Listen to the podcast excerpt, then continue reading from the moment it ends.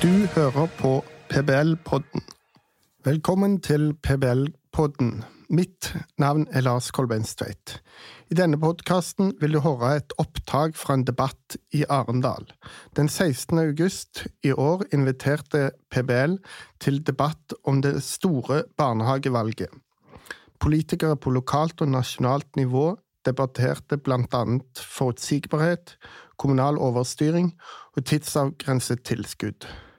Debatten du kan høre i denne podkasten ble ledet av Trude Teige, og flere sentrale politikere både lokalt og nasjonalt er med i diskusjonen. Ja, da er det en uh, stor uh, glede og ære for meg å ønske velkommen til uh, debatt i Arendalsuka om noe av det viktigste som er i det norske samfunnet, nemlig barnehagesektoren. Kom nettopp fra en seanse litt lenger oppe i gata som, som jeg fant ut at politikerne var enige om at man burde legge mye mer kroner i tidlig, tidlig, innsats. For da fikk man så mye mer i samfunnet. Så det er jo perfekt at vi starta da med der de aller fleste norske barn har sin start her i livet, og det er jo de aller fleste i en barnehage. Så mitt navn er Jørn Tommy Schjelderup, eh, og eh, ønsker hjertelig velkommen. Eh, det er et ekstremt viktig år vi er i år. Det er et lokalvalg. Barnehage drives ikke fra Stortinget. Det drives lokalt i private og kommunale barnehager. Og eh, det valget nå det får innvirkninger på også lokale prioriteringer. Samtidig sånn at det er de lokalt valgte politikerne som også skal ta stilling til det regjeringa skal legge frem på det som vil sannsynligvis bli en av de mest omfattende pakker som skal legges frem for Stortinget Nemlig både finansiering, altså en forutsigbarhet, og eh, det som da kalles for kommunal styring. Det skal de sikkert komme mye tilbake til etter hvert. Og eh, vi har i PBL valgt å legge trykket på eh, tidlig innsats, kvalitet, eh, og i dette valgkampåret har vi hatt to store satsinger. Vi har hatt da eh, eh hvor vi da har spurt Eh, spørsmål til absolutt alle lokalpolitikerne i Norge og fått svar fra veldig veldig mange. Så den eh, finner dere på eh, uh, velgerguiden.no, er ikke det? Jo. En gang til. Barnehagevalget.no. Uh, og Der kan dere gå inn og se på hvert enkelt parti lokalt hva de mener skal være prioriteringa. Og så har vi hatt en enorm satsing på gjennom mange av våre lokallag. Er det noen fra PBL Kristiansand her i dag? Ja, se der, ja. Mange folk. Da har vi da, eh, sammen med lokallagene også eh, arrangert lokale politiske debatter med en fantastisk god respons fra lokalpolitikere som har satt seg inn i feltet eh, og virkelig deltatt og hatt store, gode diskusjoner eh, før valget. Så vi gjentar suksessen eh, med en litt annen kombinasjon i dag. Eh, hvor vi også har med Vi har lokalpolitikere med, men vi har også nasjonale politikere med. Og Det er jo en god forutsetning for å ha de som vet hvor skoen trykker lokalt, men også de nasjonalt som faktisk skal ta noen veldig viktige valg eh, i det som eh, kommer fremover. Og da har vi selvfølgelig PBL Arendal til stede. Ja. Og vi er veldig glad for lov til å være med her og få muligheten til å diskutere barnehagepolitikk sammen med PBL Arendal, eller PBL. Um, og vi har et veldig godt samarbeid i Arendal kommune. Og det ønsker vi òg skal fortsette etter valget. Uh, vi er helt avhengig av uh, polit lokale politikere som ønsker å satse på, på barnehager. Uh, og som ser verdiene og mulighetene i et tett samarbeid òg med de private barnehagene. Og så er vi urolige for eh, det regjeringsforslaget nå om eh, eh, å svekke foreldrenes valgfrihet. Om tidsavgrensa finansiering og de kuttene som vi har, som òg rammer likeverdige likebehandlingen. Vi ønsker forutsigbare og bærekraftige rammevilkår. Eh, og må eh, ha like forutsetninger som de kommunale barnehagene for å kunne levere gode tilbud til barna.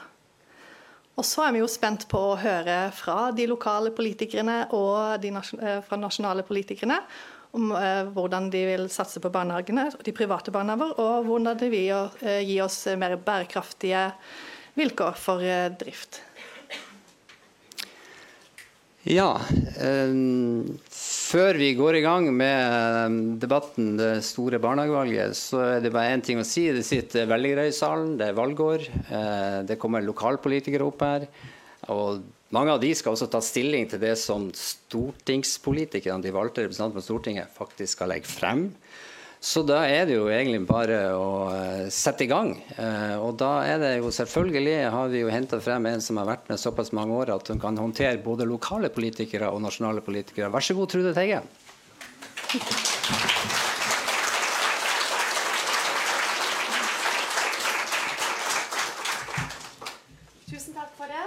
Lyd. Der har jeg lyd også. Så hyggelig at det er så stort uh, oppmøte her i dag. Uh, det tyder på at uh, dette også er en veldig veldig viktig debatt. Jeg har vært så heldig at jeg har vært rundt i landet på lokale debatter. Uh, og Det blir litt spennende å høre her i Arendal. For det som vi merker når vi er rundt litt lokalt, er at uh, politikerne kanskje er enda mer pragmentariske enn på Stortinget. De samarbeider mye mer på tvers, og helt andre partier som samarbeider lokalt enn det de gjør på Stortinget. Og de ser ofte også litt annerledes på politiske saker. Så det skal vi finne litt ut av her i uh, dag. Um, som Jørn Tommy var inne på, så skal altså regjeringa har de i alle fall sagt, denne høsten legge fram forslag til framtidig system for både finansiering og regulering av barnehagesektoren. Eh, barnehage er jo også et sentralt tema i kommunevalgkampen. Det er i år 20 år siden barnehageforliket. Hvordan skal vi bygge videre på denne kjempesuksessen som barnehageforliket var. Ikke bare var det en suksess fordi at vi, fikk, eh, vi som fikk barn på 90-tallet, fikk eh, barn, eh, barnehageplass, men det var jo også kanskje en av de aller største likestillingsreformene vi har hatt. Men vi skal altså da begynne med den lokale debatten og den lokale situasjonen her i Arendal. Og her i Arendal så er det ti kommunale barnehager. Det er 38 private barnehager. 531 barn går i kommunale barnehager, og 1509 barn går i private barnehager. Med andre ord så er det ca. 75% av barnehagebarna som går i en privat barnehage. Kommunen har i 2023 tilskuddssatser som er 3000 kroner lavere enn landsgjennomsnittet for barn. I Arendal har Arbeiderpartiet og Kristelig Folkeparti styrt sammen med Senterpartiet, Venstre og MDG. SV trakk seg fra samarbeidet kort tid etter valget. Da har vi litt om barnehagesituasjonen, og så har vi litt om den politiske situasjonen. Fra, oss, eh, fra lokalpolitikken til å debattere i dag er og dere kan bare komme fram til stor applaus. Nina Jentoft, Arbeiderpartiet.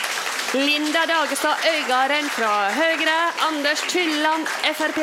Og Åse Høyås Nilsen, KrF.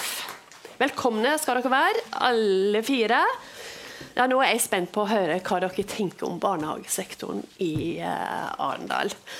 Um, spiller det noen rolle? Vi går rett på sak. Spiller det noen rolle om det er flest private eller flest kommunale barnehager i eh, Arendal. Vi, vi, tar rekka, så begynner vi her.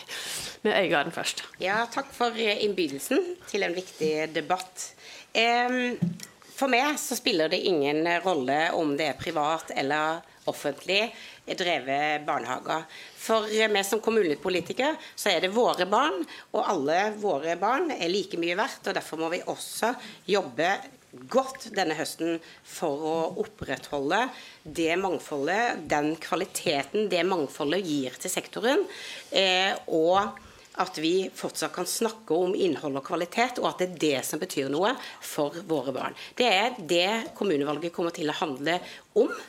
For det er et veldig, veldig skifte et større skifte enn det har vært noen gang i sektoren. Denne høsten blir helt avgjørende for om vi skal klare å opprettholde altså private barnehager i sektoren. Det er dramatisk, det som skjer, og jeg gleder meg til å høre hva Nina Jerntoft sier om det. Jentoft, vær så god. Jo, takk for det.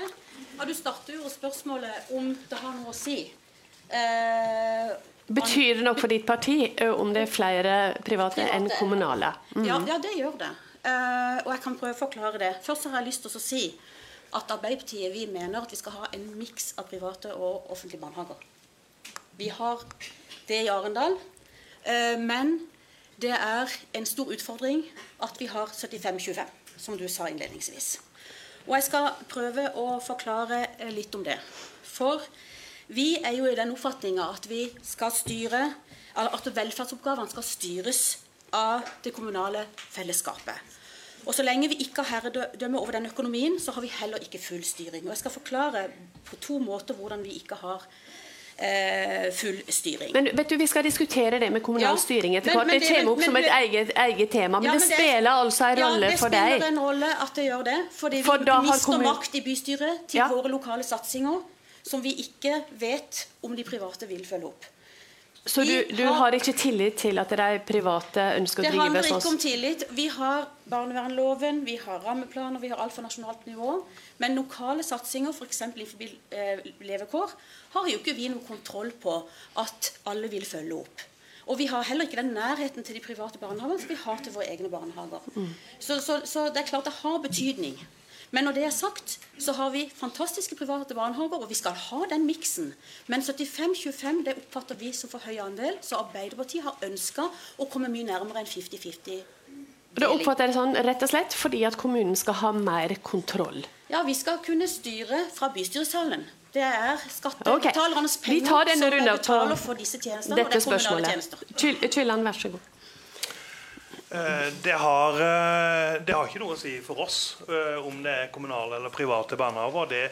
Hvis vi går i den retningen som Nina skisserer, så betyr jo det at det er bystyret skal, og politikere som skal bestemme hvor foreldrene skal ha barna sine, og det ønsker ikke vi.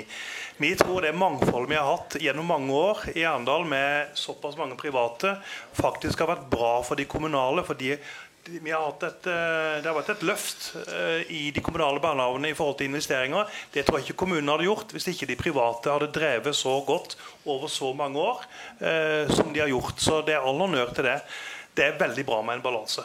Så vi, eh, og vi vil ha likebehandling. Eh, ikke sånn eh, opplegg som Nina skisserer, hvor det er da skal følge mer penger med til de som velger kommunale barnehager. Sånn ønsker ikke vi at det skal være. Så du er happy med situasjonen sånn som det er, om det er 75, 25, 50, 50 eller hva det er? Det spiller ingen rolle for deg? Ja, for det Opplegget nå har jo eh, vært eh, fra regjeringen, eh, den forrige regjeringen nå å legge opp til full likebehandling. og Det har jo også blitt gjennomført. Nå går man jo i den andre retningen, hvor man egentlig sier Det er ganske intetsigende det, det som kommer egentlig fra regjeringa nå, som gir kommunene full frihet til å kunne bestemme mye mer. og Da frykter vi at den holdningen som Arbeiderpartiet har, er det som vil kunne bli gjennomført i Arendal. Og det vil ikke være bra for barnehagenes mangfoldighet, for å si det sånn. Og nå er jeg spent på KrF, fordi at som jeg sa, så, eh, så styrer altså KrF eh, bl.a. KrF sammen med Arbeiderpartiet her i, i Arendal. Er du da enig med Arbeiderpartiet som dere styrer sammen med, i det som blir sagt? Vi legger jo til rette for at det skal være et mangfold i barnehagetilbudet. Og jeg har jo tro på at det går bra både med private og, eh, og kommunale. Men, men, det må ikke bli sånn at det skal være x antall. Må, vi må se på tilbudet som er til barnehagene, og hva foreldra ønsker. Det går fort at foreldra hører den barnehagen er bra, den barnehagen er ikke bra. Så, så det er jo foreldra som i første omgang skal velge, mener vi fra KrF. Så hvis, hvis foreldre velger da, eh, private barnehager, eh, som kanskje har skjedd her, da, eh, i Arendal sier det er 75% som går i private barnehager, så er det helt greit for dere. Dere vil ikke inn og styre eh, politikken sånn at man får flere kommunale barnehager? Grunnen til at det er så mange private i Arendal, har jo noe med barnehageforliket. Mm. I forhold til at da ble det mulighet for alle å, å få lov til å lage, bygge barnehage. Og den, den konsesjonen kunne de ha i ti år. Og når det da noen av de private kom på banen og skulle bygge, så var det egentlig ikke behov for de, og i tillegg til at barnetallet har gått ned hos oss. Mm. Så derfor er det blitt den skjevfordelinga. Så, uh... Vil dere gjøre noe med den skjevfordelinga når, og hvis kommunene får større makt til å styre barnehagepolitikken og makt over de private, slik som regjeringa nå legger opp til? Jeg er skeptisk til at vi skal gå inn og si det skal være x antall private og x antall kommunale, for å være helt ærlig. Mm. Eh, du var oppe, Hanna, ja, vær så god. Jeg, jeg, tenker jo at det som Altså, eh, barnehageforliket er 20 år i år. Vi har gjort oss gode erfaringer. Vi har invitert inn eh, private til å hjelpe oss å løse et samfunnsoppdrag. Da må vi jo bruke eh, politikken, altså lokalpolitikken også, til å løfte dette. Altså, vi må ha fokus på kvalitet og innhold. Kommunene var ikke på banen når de kunne bygge. De kunne jo valgt å bygge det ut sjøl hvis de satsa på barn så kunne det vært en, en, annen fordeling i Arendal også. Og da tenker jeg at Det som, eh, som, blir viktig da, det er jo det at vi drar nytten av dette barnehageforliket, og heller at regjeringa får et bredt tverrpolitisk samarbeid igjen om hva som er viktig for sektoren, mer enn at de skal rasere det som faktisk har blitt bygd opp eh, over 20 år. Ok, Jentoft. Ja. ser ikke for meg noe som helst frasering. Jeg har bare lyst til å sette dere inn i virkelighetens verden i Arendal. Men tror du ikke de som sitter her, kjenner til virkeligheten? Jeg har lyst til å fortelle hvordan det ser ut fra bystyresalen. og det eh, tror jeg ikke de Fra politisk hold, vær så god. For Arendal er en lavinntektskommune. Vi driver denne kommunen på 96% av inntektene av gjennomsnittet alle kommuner. Og kommuner generelt har begrensa ressurser. Og det å drive politikk, det er faktisk å prioritere. Og hvis vi skal bruke av folks skattepenger, som er våre inntekter, for å drive kommunale tjenester, til å betale mange eiere, for nå blir det mer og mer konserndrift i barnehagesektoren, overskudd, så mener jeg det er å misbruke folks skattebetalers penger. Det er en kommunal oppgave å drive barnehager. Så sier vi ja, i Arendal vi har masse private. og Jeg kan støtte Linda i masse hun sier om hvor bra de er, og kvalitet og valgfrihet er kjempeviktig. Vi skal ikke, vi skal ikke detaljstyre. Men vi kan ikke fortsette med 75-25. Jeg skal forklare én sak. Hvis vi i kommunen, som har dårlig råd, finner ut vi skal styrke våre kommunale barnehager, f.eks. med mat, noe vi gjorde ganske nylig, så vil én krone mer i mat i kommunale barnehager automatisk gi tre kroner ut til de andre 75% som ikke trenger å gjøre en endring, for de har kanskje mat fra før. Det betyr, det jeg prøver å si, det er at enhver satsing vi prøver å gjøre, blir veldig, veldig dyr. Det har ikke noe imot hva private barnehager gjør eller ikke, men det er, det, det, de får okay. ikke den styringa, og det blir knalldyrt å drive. Chilla. Det du sier nå, Nina, det er helt feil. For én krone til de kommunale er tre kroner til de private. De kan også drifte eh, barnehager. Det betyr ikke at det går til et sluk. Det går til barnehagene og den driften de gjør der. Så vi må snu på det. Og det, det å, det å påstå at man ikke skal bruke av skattebetalernes penger til å drifte barnehager med, det faller jo i sin egen urimelighet. For det er jo ikke mer enn to år siden, Nina. Da, hadde vi et, da foreslo dere nærmest som et benkeforslag i bystyret under budsjettdebatten å gi et tilskudd til alle foreldre som ga eh, som da øh, ville ha sine unger i de kommunale barna med 500 kroner per måned. og Det kjenner jo flere til her, hvordan, hva, slags, hva det førte til. Det var jo midler fra skattebetalernes penger som da gikk i direkte subsidier til kommunale barnehageplasser. Det viste seg jo etter det at det var ulovlig. Ja, men ok, La oss ta, la oss ta, det, med, la oss ta det, med, de to som styrer. Kristelig Folkeparti og Arbeiderpartiet må faktisk eh, svare litt for dette eksempelet. Eh, for å forklare for dere som ikke kjenner til det, så eh, har det er flere saker som har prega eh, barnehagepolitikken i Arendal. Bl.a. om det med å gi 500 kroner i rabatt på månedsbetaling i de kommunale barnehagene. Dette ble altså påklagd av eh, PBL med begrunnelse i at det bryter med likebehandling, som var et viktig prinsipp i barnehageforliket. Og Da er mitt spørsmål til Kristelig Folkeparti først, da, og Arbeiderpartiet. Hvorfor gjorde dere dette og gikk inn for denne typen forskjellsbehandling? Kristelig Folkeparti først. Da tror jeg, da tror jeg jeg må, jeg må stille blankt, fordi at jeg var ikke med i akkurat den prosessen. Jeg husker ikke. Beklager. Men Syns du det er flaut når du hører om det ettertid? Nei, det er klart det er jo feil. Det var jo ikke lovlig, så det er klart den ikke skulle ha gjort det. Men det var jo for å få opp eh, andelen barn i de, i de kommunale barnehagene. Fordi at barnetallet gikk ned, og derfor så ble det så mange ledige plasser. Spiller det noen rolle om du blir ledig plasser da, eh, i de Du, kommunale? Jeg kan forklare for hvorfor vi gjorde det. Vi har jobba veldig mye for å prøve å gjøre noe med den andelen som er skeiv, og som vi mener har, gir store utfordringer med å styre barnehagesektoren på en god måte. Vi har bl.a. jobba for å få kunne kjøpe opp noen privatbarnehager, men vi har veldig dårlig råd i kommunen, og det, det er et virkemiddel vi kunne bruke. Vi ønsker da å se på andre virkemidler som kunne øke tilsøkinga til kommunal barnehage, bl.a. å subsidiere prisen. Vi sjekker det med direktorat og, og, og fylkesmann, som det heter da, og fikk beskjed om at det var lovlig. Så vi hadde det klarert det- når vi gjorde det. Men så ble det påklaga, og så snudde de. Da fikk vi tilbakebetalt de pengene fra direktoratet som vi hadde lagt ut. For det er klart, eh, vi måtte jo da overføre også mer penger til private som følge av det. Vi ønsker ikke å gjøre noe ulovlig. Men da, da, da, har vi, da har vi oppklart det, og så har vi også fått vite det at det er mange instanser som ikke vet at det er en lov om likebehandling mellom private og Ja, kommunale. det er ikke så enkelt som du skal det til, for dette var Jo, det var det, det, det, det var det. det, var det. det altså, administrasjonen i Arendal kommune hadde kunnskap om dette. Likevel valgte posisjonen å gjøre dette. Det er ikke dette var korrekt, diskusjon. Jo, det er riktig. det er helt riktig. Og det er sånn at kommunen, hvis de ønsker.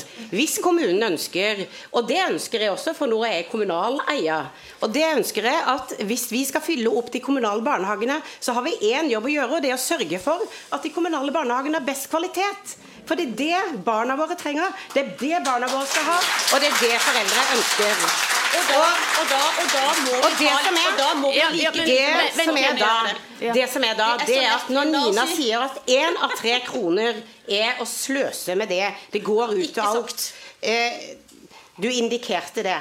I alle fall. Det som er, det er at samfunnet bare i fjor sparte 3,9 milliarder på at vi har 50-50% i barnehagesektoren vår. Så hvor skal Arbeiderpartiet ta disse pengene fra? Når de tenker at de ønsker å produsere disse plassene sjøl. For det kommer til å koste kommunen mer enn det de gjør i dag. Kjellan? Jeg tenker det som har vært i forhold til den subsidieringen, det er tilbakelagsstadiet. Og så fikk vi ikke fullkompensert alt, selv om eh, Arbeiderpartiet liker å si det. Det vi må konsentrere oss om, er hva som skal skje fremover. Og det som jeg kan konstatere, er jo at hvis vi skal innføre den politikken som Arbeiderpartiet og Nina Jentoft her presenterer, så vil det koste skattebetalerne mye penger. Og det vil også sette til side mye av den driften, den gode driften som de private barnehagene i dag eh, legger til grunn for å kunne tilby et mangfold. Og det må jo være en grunn til at 75 av foreldrene eh, velger private barnehager. Da kan det mulig være dårlig dreven, og da må vi ha likebehandling. Men der er ikke vi enige. Dere vil jo bruke penger på å kjøpe opp private barnehager. Det mener jo vi er en meningsløs eh, politikk.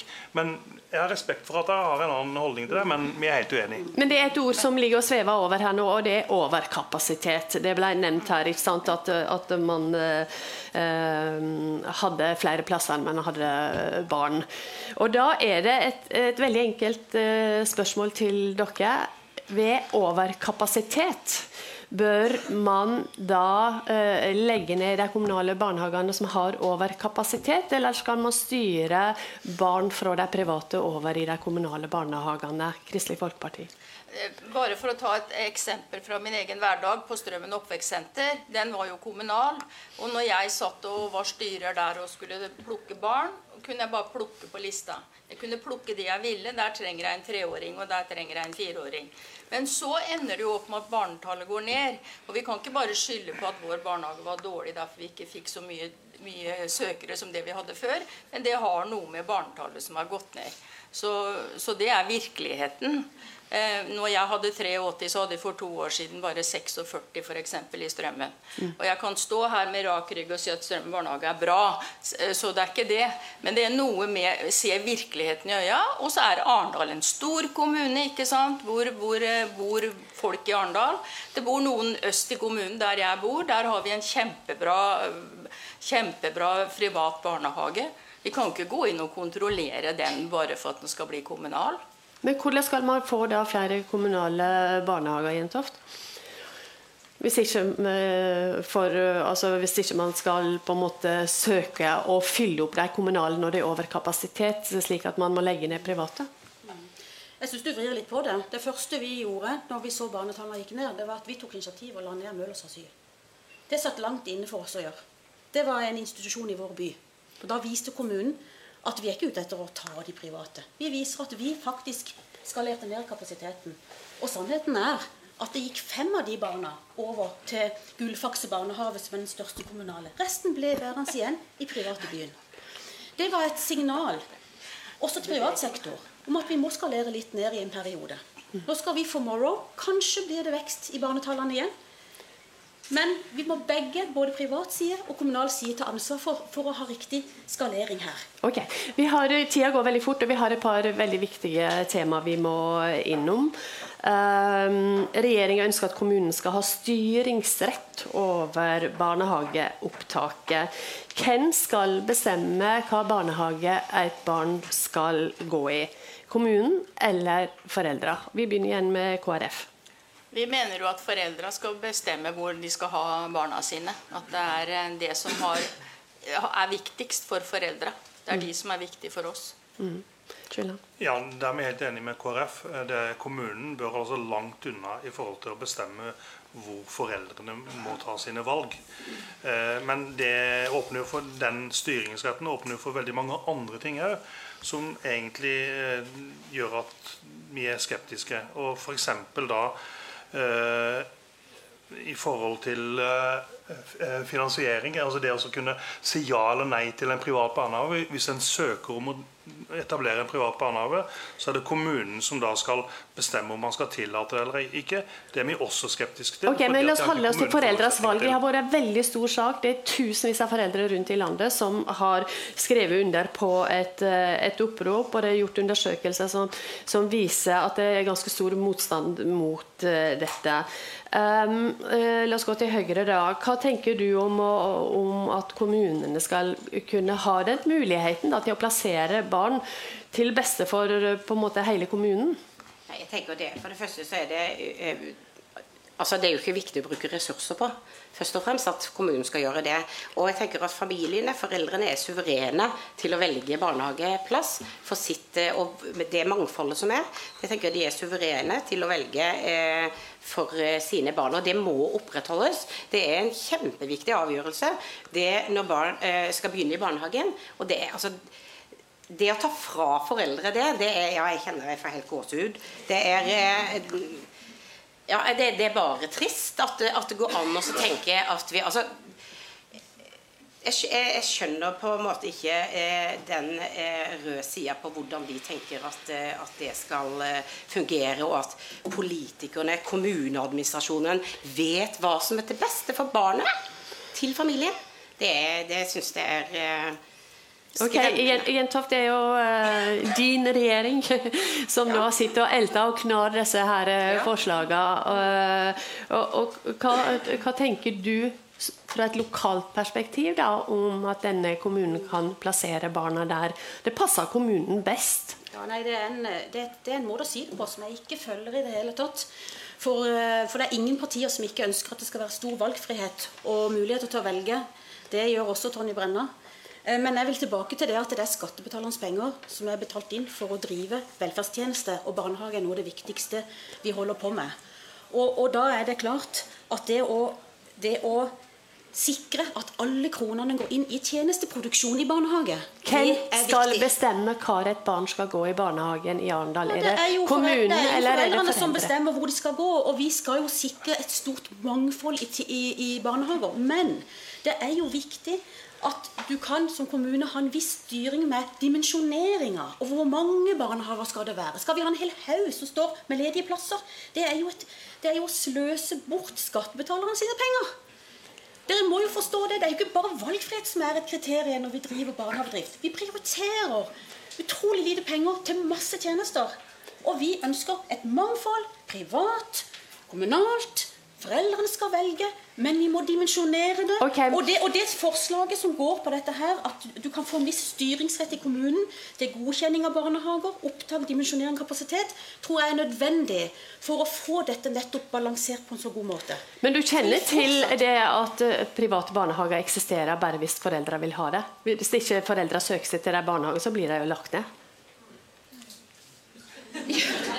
Jeg tror, jeg tror, folk- jeg tror, jeg tror folk- for, for å si det sånn, for å, for å si det sånn, jeg er jo i løvens hule her, og det er helt greit. Det er helt greit. Og Det ser ut til at du takler det helt greit. Ja, og jeg tenker at det at du er litt politiker i det, er helt også greit. Men, men det er klart det at vi har kjempekvalitet i de kommunale og de private barnehagene. Og de som er kommunale foreldre, holdt jeg på å si, de er også veldig fornøyd med sine barnehager. Sånn at En må ikke lage et bilde her òg, at, at, at foreldrene skal miste valgmuligheten. For vi er da ansvarlige politikere. Men vi skal bruke pengene til skattebetalerne på en optimal måte. Gi et knallgodt tilbud okay. og stor valgfrihet. Tyland. Jeg vil eh, påstå at eh, i Arendal har fungert veldig bra i de 20 åra som har gått, fram til jeg vil si for to år siden. For da fikk vi et veiskille. Da kom det en ny regjering, og nå får vi den meldinga. Eh, da begynte dere å si at nå skal vi politikere bestemme litt mer om hvilke barnehager som skal prioriteres. Det er det dere indirekte har sagt mange ganger, og du sier det jo her òg. Og det er en politikk som ikke vi ønsker, og den blir forsterka. Og den vil bli forsterka gjennom den barnehagemeldinga som ligger nå. For den åpner for at politikere kan bestemme mye mer. Og får vi rød-grønt styre i eh, og flertall eh, i store deler av kommunene, sånn som vi har hatt nå de siste fire åra, så, så blir det en betydelig endring i forhold til forutsetningene for de private barnehagene. Og det må vi være klar over. Vi, må innom, vi, vi legger den død der, fordi vi må innom et tema som er ganske viktig. Og Det er forslag om tidsavgrensa finansiering, som har vekt eh, skjønner jeg, sterke reaksjoner hos eh, de som driver private eh, barnehager. Dette kom jo som et resultat av enighet eh, i statsbudsjettet mellom regjeringa og SV. Hva mener partiene lokalt i Arendal om det? Og hvis man får denne kommunale makta og kan si til de som driver private barnehager, at dere får en tidshorisont på ja, kanskje fem år. Hva tenker dere om det, Eh, Øygarden? Nei, jeg tenker jo at det vil ramme barna direkte, både i forhold til det å altså, si pløye pengene tilbake til både kompetanseheving, vedlikehold. Alle disse tingene blir jo veldig høy risiko på å, å ta, og derfor tenker jeg at det er eh, Nina Jerntoft snakker om tillit til, til eh, politikerne. Altså, vi kan bare se tilbake til den 500-lappen i forhold til hvordan det vil bli i Arendal hvis det fortsetter og med den regjeringa. Jo, det er jo sånn at de kommer til å prioritere det, det offentlige, og det, er, det skal en, men ikke på, på tro, altså ikke sånn at det går utover likebehandlinga. For vi, vi som står her, vi skal spørre oss hva vi får igjen for hver eneste krone. Og vi vet at samfunnet sparer masse penger på å ha private barnehager. Da får vi mer kroner til å gjøre andre oppgaver som Nina snakker om. Det er en prioritering, og vi skal spørre oss For hver krone så skal vi ha høyest mulig kvalitet. Hvem er det som har høyest kvalitet i dag? Ja, det er markant, men det er markant i en årrekke at de private barnehagene leverer bedre til mindre penger. Nilsen, til dette med uh, tidsavgrensa eh, tilskudd til private barnehager. Hva tenker du? Nei, jeg tenker jo at det blir vanskelig for de å styre og, og opprettholde barnehagen hvis de vet at de har det bare for en kort periode. Det er klart det.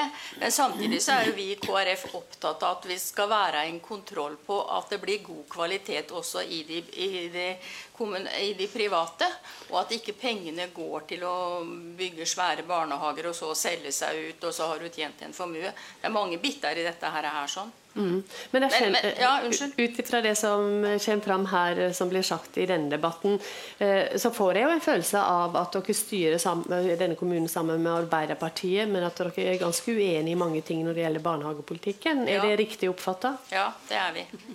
Mm. Okay. Kylland? Ja, vi er det. Kylland? Vi er veldig gode venner. Ja, ja. Vi er jo eh, relativt godt fornøyd med den modellen som har vært, og særlig med innretningen de siste årene hvor likebehandling har vært eh, eh, prioritert. Med den nye meldinga nå, som gir kommunene mer styringsrett og muligheter til å kunne ha tidsbegrensa tilskudd og alt det greiene der, eh, så får man jo en mye større risiko for at det er da den kommunale økonomien som er styrende for barnehagetilbudet. Og da vil det bli mye større forskjeller kommunene imellom. Eh, som jeg i hvert fall frykter at da blir, det, da blir det sånn som innenfor helse- og omsorgstjenesten, at man da er avhengig av kommunal eh, økonomi til enhver tid, istedenfor at sånn som det har vært nå, at det har vært staten som har gått inn og betalt for de kostnadene som det har eh, vært å ha barna i barnehage, uansett om det vært private eller kommunale. Og Det var et resultat av barnehageforliket. eh, og Den, den innretningen ble veldig bra, men nå ser vi at regjeringa vil i en annen retning. Og der får de jo eh, kjempedrahjelp av lokale politikere som da ikke ønsker å eh, likebehandle de private og de kommunale barnehagene. Mhm. Eh, Arbeiderpartiet her lokalt, eh, vil dere mm, gå inn for tidsavgrensa eh, finansiering eller tilskudd? Altså, det som er, vi er opptatt av, det er at skattebetalernes penger skal gå til velferdstilbud, og ikke, være et investerings, og ikke til investeringsobjekter for kommersielle interesser. Det er jo det som har vært den store debatten, og det regjeringa har prøvd å gjøre nå, det er å stramme inn reglene for private barnehager Det- økonomisk. Ja, men Nei, nå må jeg få si det. For nå Nei, for du, nei, nå må du høre. Du må svare på det som jeg spør ja, deg om. Nei, det nå spør jeg deg om eh, Ja. dere lokalt her går inn for tidsavgrensa tilskudd. Det er, vi trenger ikke lang utgreiing for det. Men det er et ganske et- enkelt det er et forsøk på å gjøre en tilstramming for å få bedre kontroll med hvor pengene flyter i privat sektor. Så svarer jeg ja. Så, så, så det, det vet jeg ikke før jeg har sett høringsinnspillene og fått lest de. For det er klart det er et forslag som også har noen ulemper, som både Høyre her og Frp og KrF peker på, som vi òg ser.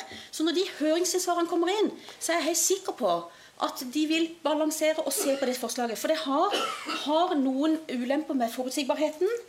Og i forhold til å kunne investere i kompetanseheving osv. måter. Så svaret er du veit ikke. Svaret er at jeg forstår intensjonen. Jeg tror de er på riktig vei, men det kan godt være det skal justeres noe når de ser høringsinnspillene. Men, men Nina, du kan ikke si at alle som driver privat barnehage i Arendal og andre kommuner, gjør det ut ifra kommersielle interesser.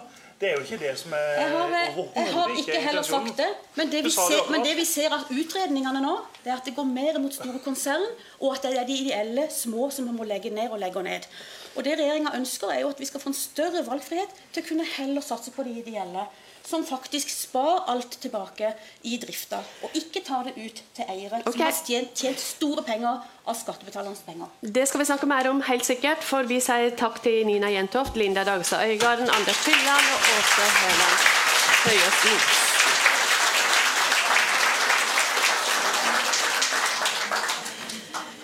Da, eh, Kommunene skal jo altså da gjennomføre det som Stortinget kommer til å vedta når det gjelder alt dette her. Men nå går vi da til de som skal gjøre vedtakene om hvordan det blir å drive barnehage i lang tid framover. Vi sier velkommen til stortingspolitikerne. Kom fram! Øystein Mathisen, Himanshu Gulati, Karianne Gjønnes, eh, Marit Knutsdatter Strand, Ida Lindtveit Røse, Hege Bae Nyholt, Sunniva Holmås Eidsvoll. Gi dem en varm applaus.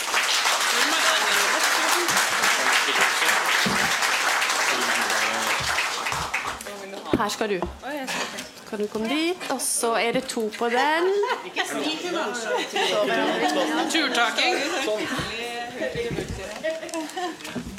Sånn. Da er vi klar. Ja, nå er jeg spent på, på å høre. Eh, Røse, hvordan oppfatter du lokaldebatten her? Er den veldig fjern fra det dere diskuterer på Stortinget? Eh, nei, den er ikke det. Jeg syns den egentlig gir et eh, veldig godt bilde av eh, det utfordringsbildet som er i mange kommuner. Og også si, egentlig vil jeg si sånn, jeg, jeg, forstår en del lokalpolitikere som vil tenke at det er ganske greit å få mer styringsrett. For man står med eh, veldig krevende budsjetter som skal gå i hop. Men så må man tenke seg om ja, Er det det man er til for som lokalpolitiker? At man skal overstyre foreldrenes valg? Eller er skattebetalernes penger, som dere snakket mye om i forrige debatt Skattebetalernes penger er jo foreldrene. Det er foreldrene som betaler de skattepengene. Og når foreldrene veldig tydelig sier at vi ønsker å ha våre barn i en privat barnehage, så er nettopp det foreldrenes valg. Skattebetalernes valg. Og det er jo de som bør styre over hvor barna sine skal gå, ikke bystyresalen som skal overstyre skattebetalernes valg. Jeg har egentlig eh, Ja, takk. takk har ikke kommet til det første spørsmålet, egentlig. Det var bare en innledning, og så er vi i gang. Og det er så bra. Og allerede så har Nyholt meldt seg og vil uh, kommentere dette. Og det, jeg lar dere bare slippe til. Og bare meld dere på. Herlig. For det første, hei, uh, og takk for invitasjonen. Jeg syns det er greit å på en måte si hvem jeg er. Jeg er leder av utdanningskomiteen, men jeg er også barnehageansatt. Jeg har bare permisjon fra jobben min. Og I tillegg så er jeg mamma. Og jeg har hatt barna mine i kommunal barnehage, i privat ideell og i kommersiell barnehage. Fordi det er virkeligheten i den kommunen jeg har mine barn i, nemlig at man kan ikke velge hvilken barnehage man skal ha barna sine i. Jeg trodde det når jeg liksom skulle velge for mitt barn første gangen. Så satt jeg og leste meg opp på pedagogiske profiler og tenkte dette ser veldig bra ut. Og så er realiteten at man ikke har et reelt valg. Det tror jeg veldig mange også kjenner seg igjen i. I hvert fall i de kommunene hvor man ikke har overkapasitet. Så det må vi jo snakke om så er det sånn at denne diskusjonen blir litt uredelig hvis vi bare skal snakke om private barnehager, som om det er én ting. Det har jeg behov for å si. Fordi i mitt parti, i Rødt, så skiller vi mellom de ideelle og de kommersielle. Jeg er opptatt av å opprettholde det skillet. Fordi Rødt er for de private ideelle, selv om vi blir tatt til inntekt for å være mot de. Jeg tror det er veldig veldig, veldig lurt at alle dere som sitter og kjenner på liksom den vanskelige hverdagen som dere har For jeg tror dere er liksom PBL-folk sånn i all hovedsak. Eh, eh, fordi at det kan være ganske tøft å drifte en liten ideell barnehage hvor man kanskje har satsa ekstra på bemanning osv. At dere er klar over at her er det et viktig skille. Og så er det sånn, og nå skal ikke jeg snakke hele tida, men jeg snakker litt. Jeg er også god på turtaking. At eh, det er kommunen sitt ansvar å sørge for at det er barnehageplasser. Og det er også sånn at vi får mindre barn i Norge. ikke sant? Til tross for at Erna sa at vi burde få flere. Så fikk hun ikke helt gjennomslag der. altså vi får mindre. Og når barnehagetallene går ned, så kan man som politiker bare redusere de kommunale barnehageplassene. Det har noe å si for valgfriheten som settes høyt i dette rommet. Hvis man skal ha valgfrihet, så må man også kunne velge kommunale barnehager eller ideelle barnehager. Realiteten nå, mange steder, også her, er at man ikke kan ta det valget. Det syns jeg også okay, vi skal snakke om. Vi, vi tar den, denne uh, runden uh, med alle sammen uh, før jeg går i gang med det litt mer konkrete spørsmålet her. Men Jønnes, du har tegna det som neste. Ja, Vi har en veldig bra barnehagesektor i Norge som vi alle er glad i. Det er høy kvalitet, det er valgfrihet, det er mangfold. Vi har private barnehager som drifter godt og med signifikant lavere sykefravær. Det var et bredt forlik som nå er 20 år gammelt. Og min klare forventning til regjeringen og regjeringspartiene er at de inviterer oss alle fram til forhandlingsbordet, til reelle forhandlinger. For jeg mener, og Høyre mener, at hvis vi skal fortsette å ha en så god barnehagesektor i Norge som vi trenger, som er vårt aller viktigste velferdstilbud for å gi barn fra alle familier, høy kvalitet i barnehageinnholdet også i åra som kommer, som er, som Jørn Tommy fra PBL sa, tidlig innsats på sitt aller beste. Hvis vi skal opprettholde det kvalitativt gode tilbudet vi har nå, i åra som kommer, så er vi nødt til å ha et bredt forlik. Vi kan ikke styre barnehagesektoren etter valgsyklusen. Det er foreldrene som skal velge plass til sine barn. Vi er nødt til å opprettholde mangfoldet, og vi er nødt til å opprettholde forutsigbarheten.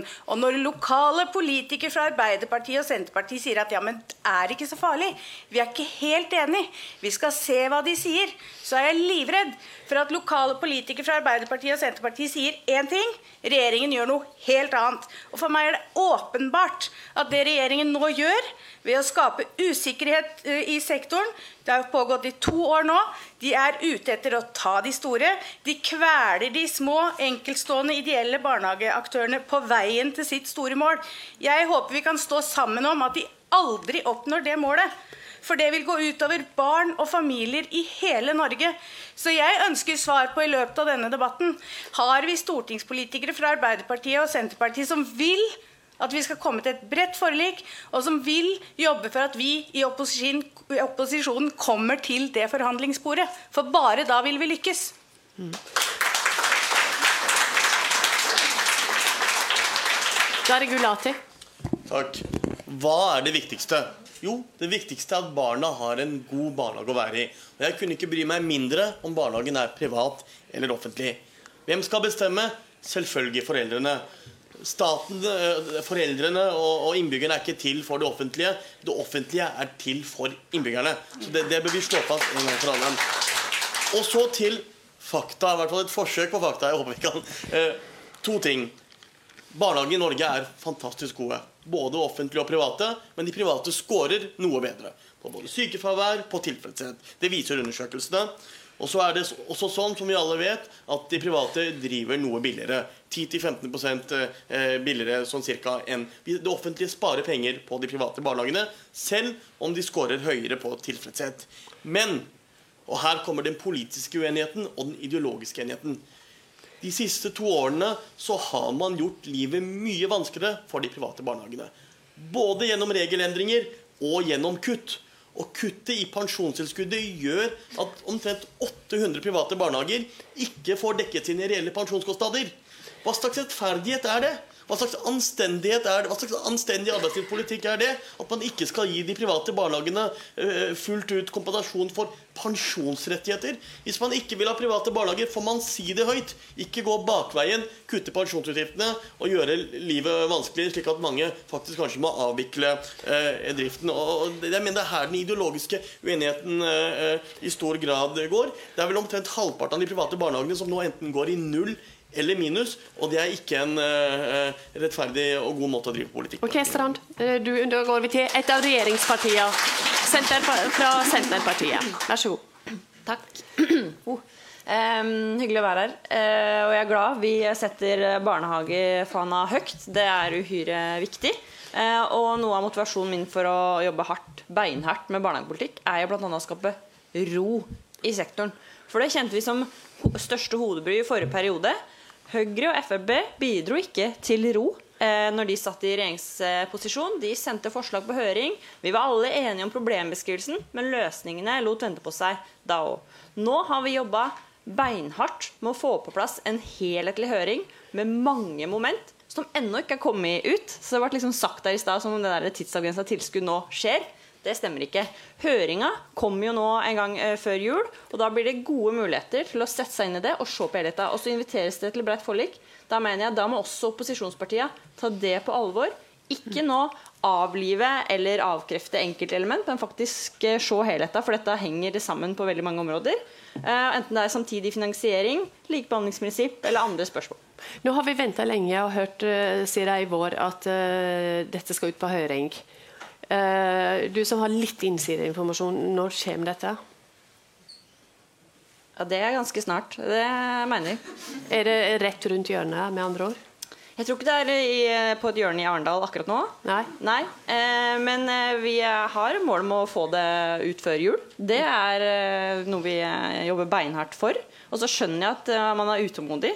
Eh, det var jo også stort kunnskapsgrunnlag fra forrige regjering med BDO-rapporter og eh, Storberget-utvalg, men likevel så ser vi at tallgrunnlaget hele tida blir feil, fordi det blir gjort så store endringer i lovverk og, og normkrav og den type ting. Så vi må ha oppdatert kunnskapsinnlag, så vi gjør de riktige konklusjonene. Mathisen, eh, hvis man skal gjøre endringer, så eh, gjør man jo det fordi noe ikke fungerer. Og Hvis man nå skal gjøre store endringer når det gjelder finansieringsmodell og regulering av en hel sånn sektor, hva er det som ikke fungerer i barnehagesektoren? Altså, vi kan ta litt sånn historikken på det. fordi at når det store barnehageforliket kom, så var jo det en situasjon der masse unger sto utenfor barnehagen. De hadde ikke plasser, og man måtte eh, på ganske kort tid eh, bygge mye barnehageplasser. Da var man kanskje litt eh, raus med eh, regelverket, det, for det var det viktigste problemet som måtte løses, var at eh, nå må vi få fort opp mye barnehageplasser. Og Nå er det nesten eh, full barnehagedekning. Det er enkelte kommuner der man sliter, men generelt full barnehagedekning. Så nå er på en måte den politiske og reelle samfunnssituasjonen er helt annerledes enn det den var da. Og Da trenger man et nytt regelverk som sampasser med den tida vi er i, og de utfordringene vi står overfor. Og eh, Det som vi har varsla at vi kommer til å eh, gjøre når vi legger dette fram, det er at vi kommer til å se på muligheter for at de lokalt skal få mer eh, påvirkning og innflytelse. Det er ikke noe rart eller noe unormalt. Altså, vi påvirker skolestrukturen i kommunestyrene. Vi påvirker hvordan eldreomsorgen skal være i kommunestyrene. og Det handler også om dimensjonering og handler også om hvordan vi utformer det. Så at vi også skal ha innflytelse over de 27 milliardene som vi bruker på private barnehager, og hvordan det skal være. For det blir litt sånn jeg syns det er litt, eh, litt trist, eh, de generelle debattene vi har, og den debatten som var før vi kom opp her. For Istedenfor å reelt sett diskutere hva kan vi gjøre for at vi skal få en bedre barnehage for absolutt alle, om du er kommunal eller privat, det blir liksom eh, mer bundet opp i disse kranglene om styringsform. sånn som vi har vært veldig, Og det har jo skjedd veldig mye bra på barnehagefeltet de siste årene med denne regjeringa. Altså, nå er det maksprisene satt ned, som gjør at mange flere skal få lov til å komme og bli en del av det. og den viktige sko det starten men, men har, har du ikke respekt for det at når det kommer så mange sånne forslag, og man bare hører om, man hører om det i debatter, og statsråden sier noe, og det er tidsavgrensa finansiering for de private f.eks., som har skapt enorm uro, så må man jo diskutere diskutere det. Det er ingen problem at vi skal diskutere det, og nå kommer vi til å få ganske helheten når vi skal sette oss ned og diskutere det.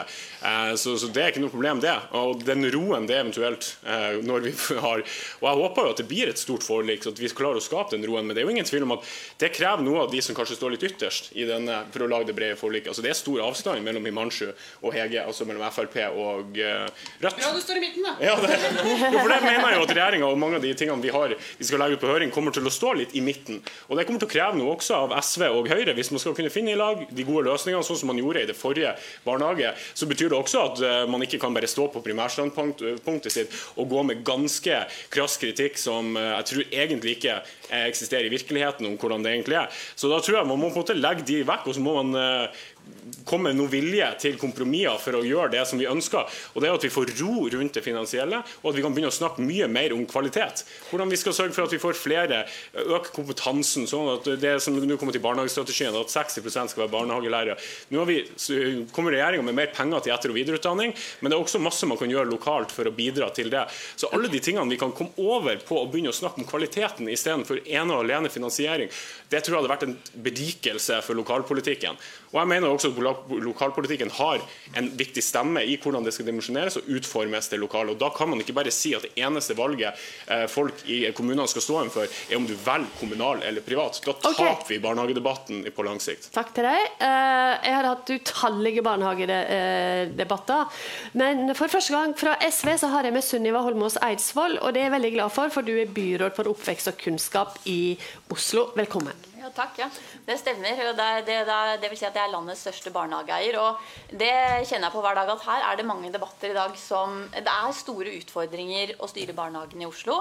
Når vi har eh, så få muligheter vi har til å, å faktisk styre, fordi det er så mange private barnehager som eh, som vi da mister kontroll på, på, på mye. F.eks. hadde jeg nylig en privat barnehage som eh, mer eller mindre over natta la ned. Og da er kommunen lovfesta, eller de barna har lovfestet rett på plass. Da må vi stille opp på kort varsel. Veldig liten mulighet til å dimensjonere uh, tilbudet. De private barnehagene de kan også ta hva de vil i kostpenger. De kan også ha egne inntaksregler. Når vi skal styre inntak i Oslo kommune da, så gjør det at da får vi mye mindre mulighet til å dimensjonere tilbudet. Private barnehager som kan ha de inntaksreglene de vil, de kan da ta inn barn som ikke har lovfesta rett på plass. Sånn at da fortrenger de andre barn, kanskje i nærmiljøet til den barnehagen, som har lovfesta rett på plass, som da må få kanskje plass et sted lenger unna. Sånn at de får lengre reisevei. Det er også sånn i Oslo at eh, vi har bedre kapasitet, altså vi har litt overkapasitet, så det er alle får plass, og i tillegg får mange som ikke har lovfesta rett på plass. Men, eh, men, det vi også ser er at fordi de private barnehagene tar hva de vil i kostpenger, så er det noen som tar veldig mye. Eh, og det gjør at noen kan få plass i en privat barnehage fordi de liksom ikke har fått plass på alle de hadde på lista si, men får plass i en annen barnehage. Da, kan vi fordele, da fordeler vi jo plass, for det er felles opptak til både kommunale og private samtidig. Da kan man få plass i en privat barnehage med høy kostpris, som man kanskje egentlig ikke har råd til. Og det siste, eh, som også er inter interessant å ha med seg Vi har en erfaring i Oslo ved at da Høyre styrte byen før 2015, når SV, Ap og MDG tok over byrådet, så hadde de en politikk på at det bare var private barnehager som skulle bygge ut. At man ikke bygde ut noen kommunale. Vet dere hva det førte til? At de delene av byen hvor det var lavest barnehagedeltakelse, ble det ikke bygget noen barnehager på mange år. Og da får du heller ikke flere barn til å gå i barnehagen. Og det er utrolig trist. Når vi vet at noe av det aller viktigste for å utjevne sosiale forskjeller, det er å uh, sikre god barnehage. Så når vi tok over, da, så har vi sørga for å bygge ut barnehageplasser i de delene av byen hvor barnehagedeltakelsen var lavest. Og så har vi aktivt rekruttert barn til barnehagen.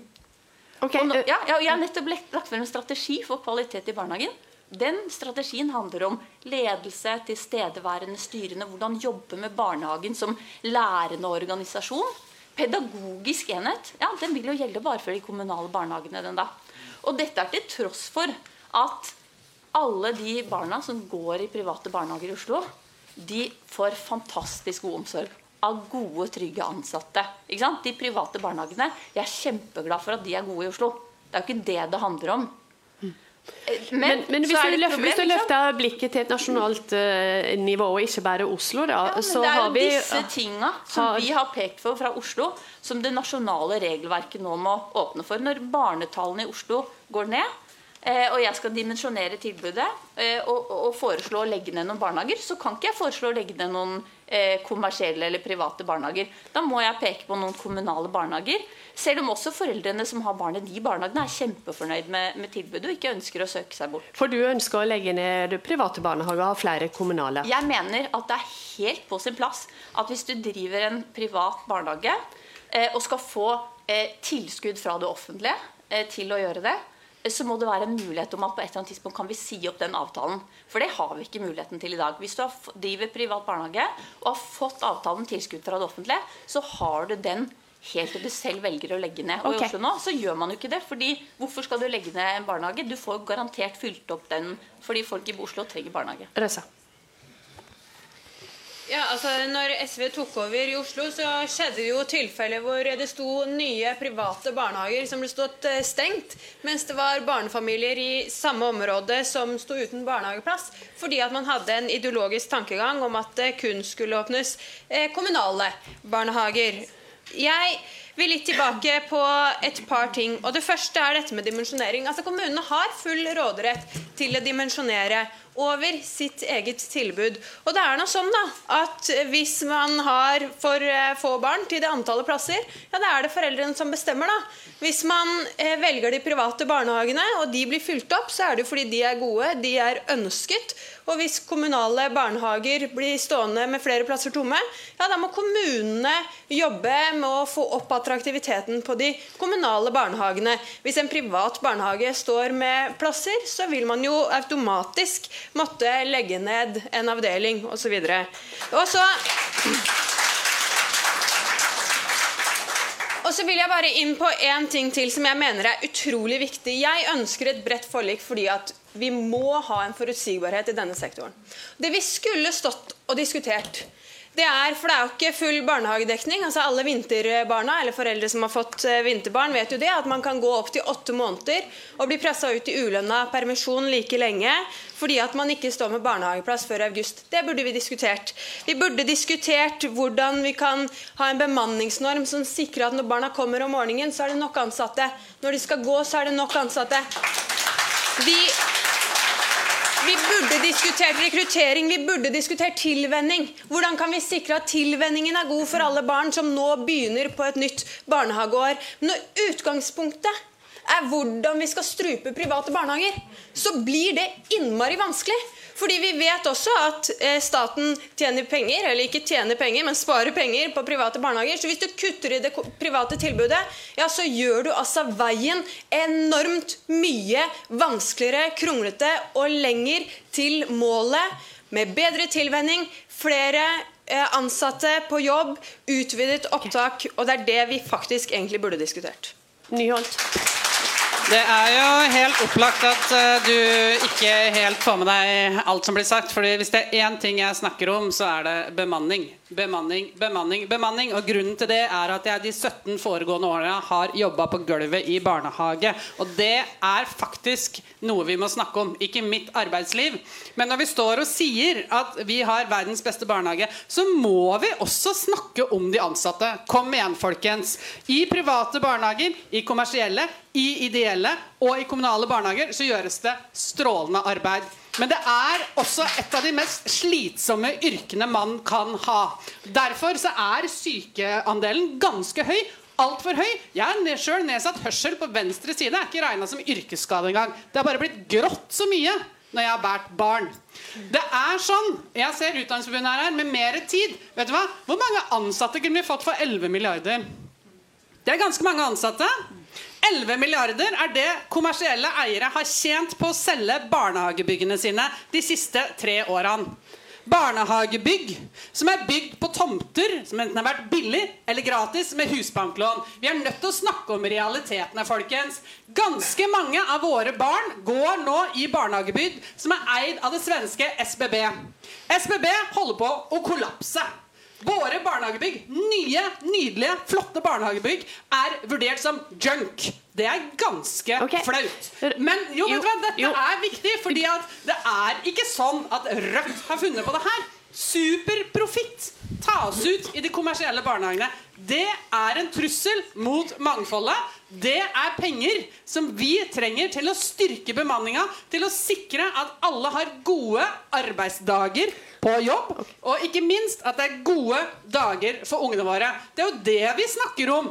Det er jo det vi må snakke om. Og disse skattepengene våre skal vi forvalte godt. Det er ikke å forvalte de godt at noen få eiere, og det gjelder jaggu sannsynligvis ingen av dere i salen her, blir så rike at de må flytte til Sveits. La oss ta den diskusjonen okay. også. Røse.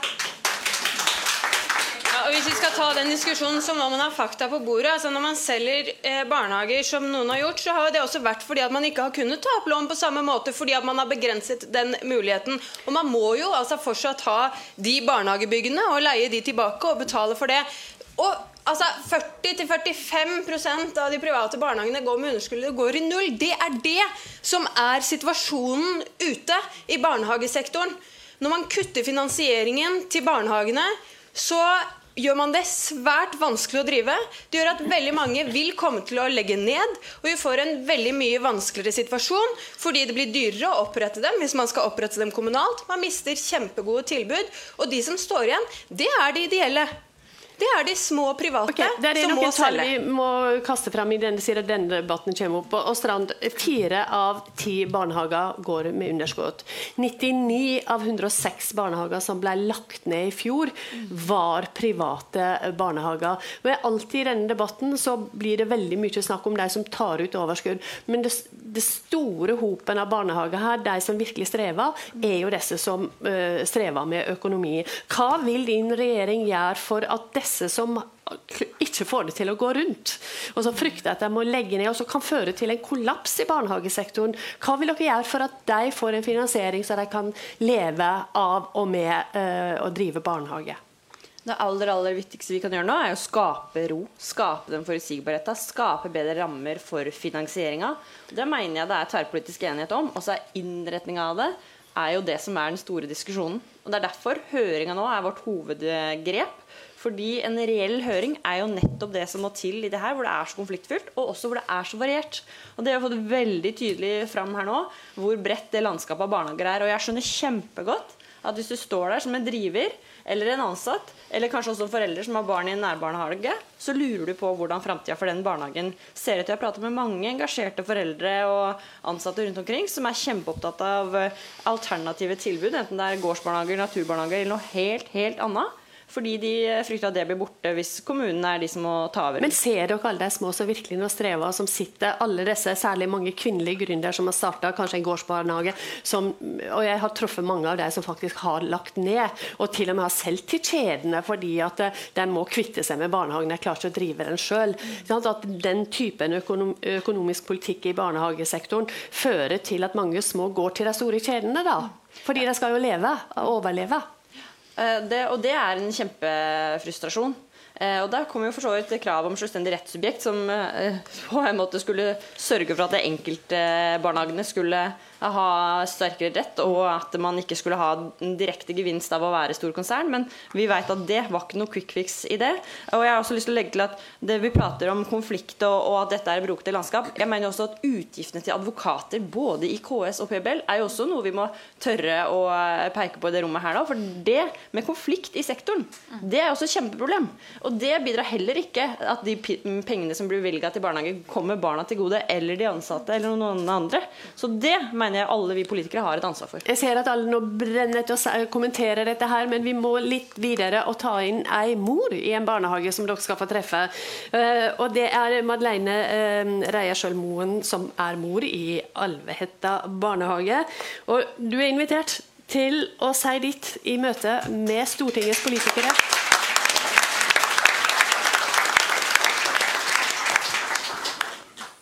Um. Debatten om fritt barnehagevalg det vekker stort engasjement hos meg. Det bryter på mange vis et grunnleggende rettighet. Friheten til å bestemme hva vi som foreldre mener er best for vårt eget barn og familie. Det gjelder i aller høyeste grad hvilken barnehage vi ønsker for våre barn. Det er mange kriterier man tenker over når man skal velge å finne barnehageplass. Og det er alltid sånn at det er den nærmeste som passer. Derfor er det sånn at fordi du ønsker en barnehage med en vanlig profil, en gårdsbarnehage eller fritidsbarnehage eller lignende, har spesifikt satningsområde, er stor, liten, privat eller offentlig, så er det opp til oss sjøl.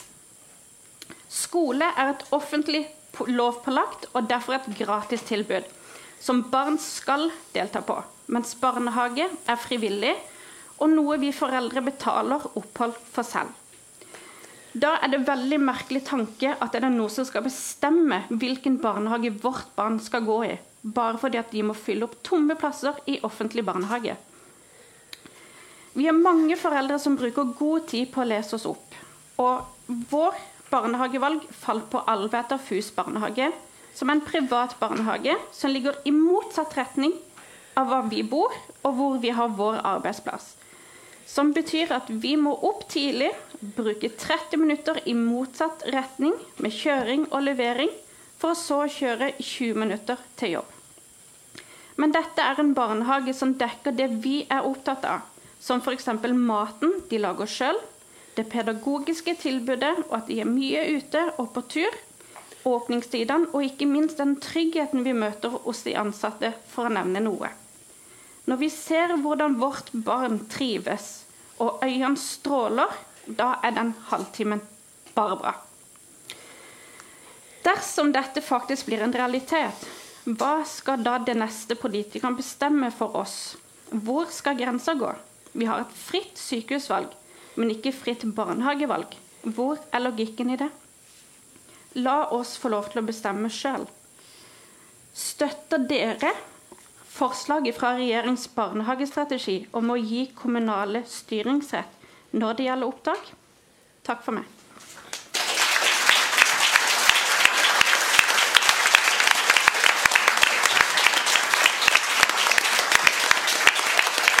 Tusen takk til eh, deg. Da tar vi hele rekka, og det er hvem skal bestemme hva eh, barnehage et barn skal gå i? Skal det utelukkende være foreldre sitt valg, eller skal kommunen kunne bestemme over det? Jønnes, vi begynner på kanten der, og så går vi rekka bortover. Det er foreldrene som skal velge. Ja, foreldre skal velge, men f.eks. Oslo, da, stor kommune. Eh, skulle, vi hatt, eh, skulle vi hatt noen inntaksområder, sånn at, eh, at foreldre ikke risikerer å få en barnehage de ikke har søkt på, som ligger på andre sida av byen, og som gjør at de får veldig lang reisevei? Altså Det er sånne avveininger vi gjerne skulle likt å ta lokalt. da. Sikre i større grad at folk får en barnehageplass i nærmiljøet sitt. Men selvfølgelig, vi vil at foreldrene skal få velge å søke på den barnehagen de vil. Gulati? Foreldrene skal velge, men da må vi også sørge for at de barnehagene som foreldrene velger, enten de er private eh, eller noe annet, får like mye i tilskudd som alle de andre barnehagene. Altså, vi er også enige i at foreldrene skal få velge, det er deres avgjørelse. Men så har kommunen også en stemme i hvordan man påvirker det. Likedan som vi har debatter i kommunestyrene om hvordan skolestrukturen skal være. Likedan som at hvis den barnehagen du søker på er full, så får du ikke den. Så du, da er det andre. Så det totale tilbudet er også en debatt som hører hjemme i et kommunestyre, og ikke helt avkobla fra som, de prioriteringene som gjøres der. Som jeg sa, jeg har aldri fått noen av de barnehagene jeg har valgt. Da. Sånn at valget er jo ikke reelt for veldig, veldig mange foreldre. Og vi kan vel kanskje heller ikke, jeg spør ja, hva dere tenker, om vi skal gå med en konstant overkapasitet i alle barnehager absolutt hele tiden. Jeg er for demokratisk eh, styring over deler av sektoren, og så er det selvfølgelig sånn at foreldre kjenner barna sine selv best og har et ønske om å velge. Jeg skulle ønske at man hadde et reelt valg, ikke et fiktivvalg som man har i dag. Vi mener at eh, foreldrene skal eh, få bestemme, og at det er det som er grunnlaget for eh, dimensjoneringene i kommunene. Ja, jeg, jeg syns også premisset for spørsmålet kunne vært diskutert litt. Så jeg må si ja takk, begge deler. Fordi det ene utelukker ikke det andre. Men jeg synes jo det du sier er veldig sterkt å høre deg, og det handler om en tøff hverdag som skal gå opp. Så foreldrene skal få velge, men det skjer ikke i et vakuum. Barnehagen er en del av en helhet i kommunen. Og jeg mener også velgere og det å påvirke kommunen av helheten også er et veldig viktig demokratisk prinsipp. Gulati. Ja, takk. Og så vil jeg ta opp litt av den debatten vi er enige på. Fordi Regjeringspartiene har flere ganger nevnt at vi må komme over uroen i barnehagesektoren. Men det er jo en grunn for at vi har uro i barnehagesektoren blant private barnehager. Og det, det er jo fordi man har valgt å kutte nesten en halv milliard til private barnehager. Uroen kommer ikke av seg selv. Det kommer pga. bevisste politiske vedtak. Og det er en grunn for at vi ikke sitter her i dag og diskuterer verken bemanningsnorm, løpende opptak eller andre kvalitetsindikatorer. Vi diskuterer styringsform, for det er det regjeringen har valgt å fokusere på. Både med innstramminger og, og kutt. Og jeg lurer på to ting. Ca. fem av ti barnehager altså, går nå i null eller underskudd. Hvor mange barnehager, private barnehager i Norge må gå med underskudd før man slutter å kutte og stramme inn for de private barnehagene? Halvparten av de private barnehagene får ikke kompensert pensjonsutgiftene.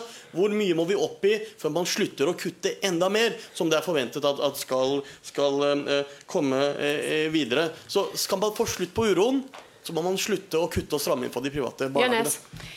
Mens vi står her og diskuterer, så går alle eh, foreldre, barn og ansatte i barnehage rundt og lurer på hva som skjer.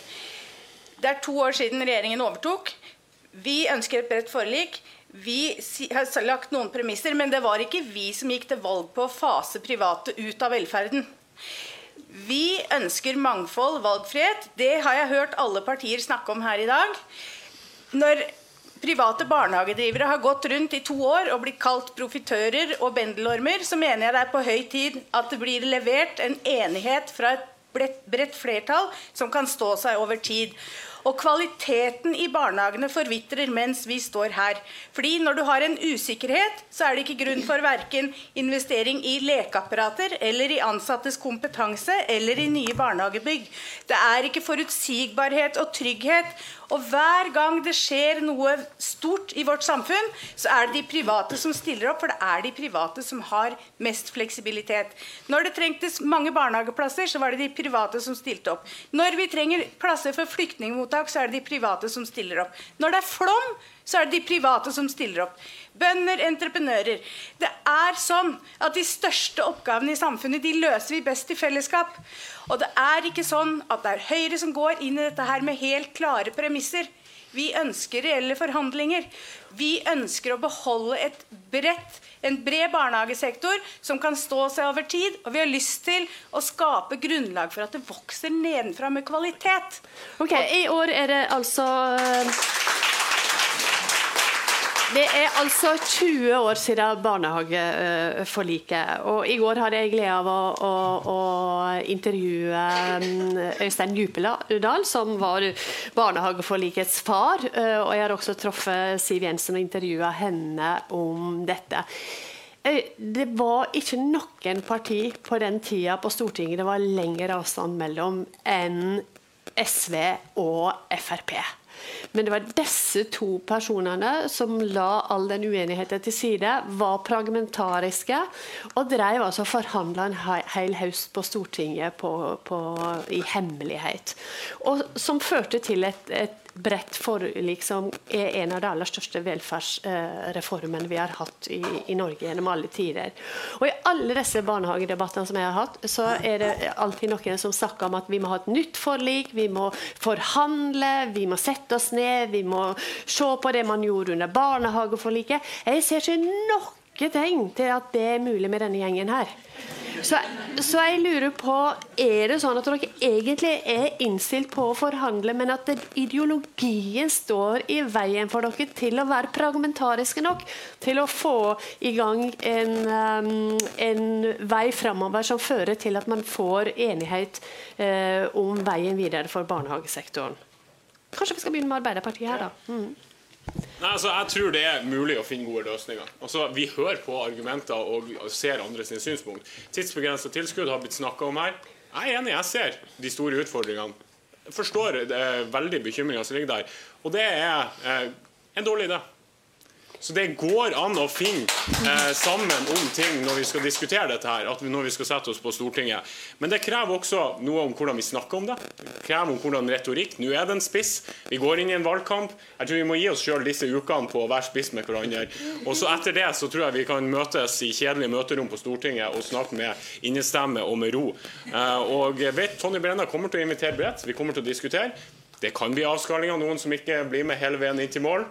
Kanskje Gulati og Hege Hegge syns det blir litt for mye oppofring på ting. Det går an. Men uansett, et bredt eh, barnehageforlik er det man ønsker. Og det tror jeg hadde vært veldig viktig, for da kunne vi, som, som alle sier her, så kunne vi ha slutta å snakke om finansieringsmodeller og mer snakka om eh, kvaliteten. Men det er også okay. noen om virkelighetsoppfatninger som er litt stor avstand også, som gjør det ekstra utfordrende. Skal man få til et forlik, så må man kompromisse, og det handler om å gi og ta. Hva er det slags kompromiss eh, Rødt kunne tenke seg å inngå? Altså, Jeg skulle gjerne sett litt i den der glassbollen til Øystein. Altså. Men uh, du vet, Trude, at det er jo hemmelige forhandlinger. Og jeg og Himanshu vi møtes to men ganger i uka. Dere, dere, jo, men dere er ganske harde i retorikken i Nei, men vet du hva? Altså, det her er kravet, uh, for det er snart et krav om et bredt forlik. Det kommer jo fra alle de som ikke sitter i flertall. Og sannheten er jo at de som gikk til valg på ikke å fase ut de private, men å avkommersialisere omsorg, de vant. Flertallet i Norge ønsker private, ideelle og offentlige innenfor helse og omsorg og innenfor omsorg eh, og eh, oppvekst. Det er sannheten. Vi trenger ikke et bredt forlik. Vi har nok folk til å avkommersialisere. Og vet du hva? Nei, jeg syns faktisk at det skal også Arbeiderpartiet stå for. Det skal også eh, Senterpartiet stå for. Det står SV for. Det står Rødt for. Det er det flertallet i Norge ønsker. Hvis vi får fasa ut Vi skal ikke hive ut på dagen. Det funker ikke de kommersielle, så vil man også slippe utrolig mange av de problemene som de private ideelle opplever nå. For det er helt reelt og helt sant at det er vanskelig å drifte eh, private ideelle barnehager. Så, så det, unnskyld, det du sier Unnskyld. Det er ikke kompromiss å la folk bli rik av men, å drive men det. Du sier er at når Høyre sier vi må forhandle, Frp sier vi må forhandle, vi vil gjerne være med og skape et forlik som vi har hatt før, så sier du nei da, det trenger ikke vi, for vi har flertall. Ferdig snakka. Ja, det er jo det som er den politiske realiteten. Ja, men Du sier ferdig snakka, du er ikke interessert i et Jeg sa jo også at jeg og Mansju møttes hver uke, da. Så det snakker jo med to tunger. Men, nei, altså, det er jo det men du avviser er... egentlig forhandling der alle partier på Stortinget blir enige? Nei, Vi kan godt forhandle. Det er alltid veldig lurt. Det er alltid veldig lurt å lytte på hverandre, og turtalking er jeg som sagt for. Men altså, det er kravet om det breie forliket kommer jo fra de som ikke nå per dags dato har politisk makt. Og jeg syns at regjeringa somler Det er to år igjen av denne perioden, og man har ennå ikke klart liksom å få dette jeg må trekke pusten jeg skal si det, av kommersialiseringsutvalget veldig vanskelig ord, til å fungere. sant? Og så La oss høre med SV. Er, er du eh, like avvisende i forhold til opposisjonen når det gjelder å samarbeide om framtidas barnehagepolitikk, Ja, som det- er Rødt er? Ja, nei, eh, nei, altså Jeg kan kommentere akkurat det Rødt sier etterpå. Men eh, vi skal forhandle med regjeringa. Altså det, det kommer vi til å gjøre her. Så forhandlinger sier vi ja til. Men SV er helt tydelig på at vi mener at eh, det burde være mulighet for kommunene til å skille mellom de kommersielle og de ideelle barnehagene. Vi sier ikke nei til private. Og så sier vi også følgende. Vi mener at det ikke burde være mulig å ta ut profitt fra barnehagedrift. Så liksom, Det har vi egentlig ikke vært innom skikkelig i denne debatten her. Hvorfor er det mulig å ta ut profitt, profitt fra barnehagedrift? Hvordan kan det være mulig? Jo, det kan være mulig hvis man eh, har for eksempel færre ansatte på jobb, eller hvis man har dårligere pensjonsvilkår for de ansatte. Ikke Tida jobber vår like er, mye. Jo, tida men- vår, men ikke sant? tida vår er det satt. er det som er Ja, men her. tida vår er satt ute. og jeg Og må, det jeg må høre med Senterpartiet om Senterpartiet ønsker å forhandle med opposisjonen på Stortinget. Vi har interesse av å prate bredt sammen. Det syns jeg for så vidt flere har tatt til orde for her. At det handler om at dette skal stå seg over tid, og vi skal skape ro. Og ved å ta det på alvor, så handler det også om at det da er tverrpolitisk. Og så blir det sagt litt ulike ting om formuleringer med kommersielle aktører og den type ting, så jeg har litt lyst til å kommentere det til slutt. Og det er at det står helt konkret i Hurdalsplattforma at vi skal sette en stopper for eh, å få på plass et regelverk som eh, gjør at ikke store kommersielle aktører stadig eh, eier flere barnehager. Men også ha et regelverk som gjør det bedre, gir bedre vilkår for enkeltstående private. Ikke bare de ideelle, men også de enkeltstående private, som for så vidt har kommersielt grunnlag. De skal også få bedre vilkår nå.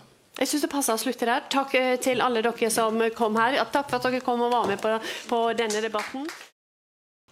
Takk for at du lyttet på PBLs podkast og opptaket fra debatten i Arendal. Følg videre med på pbl.no for mer informasjon om viktige saker innenfor barnehage og barnehagepolitikk. Ha det godt.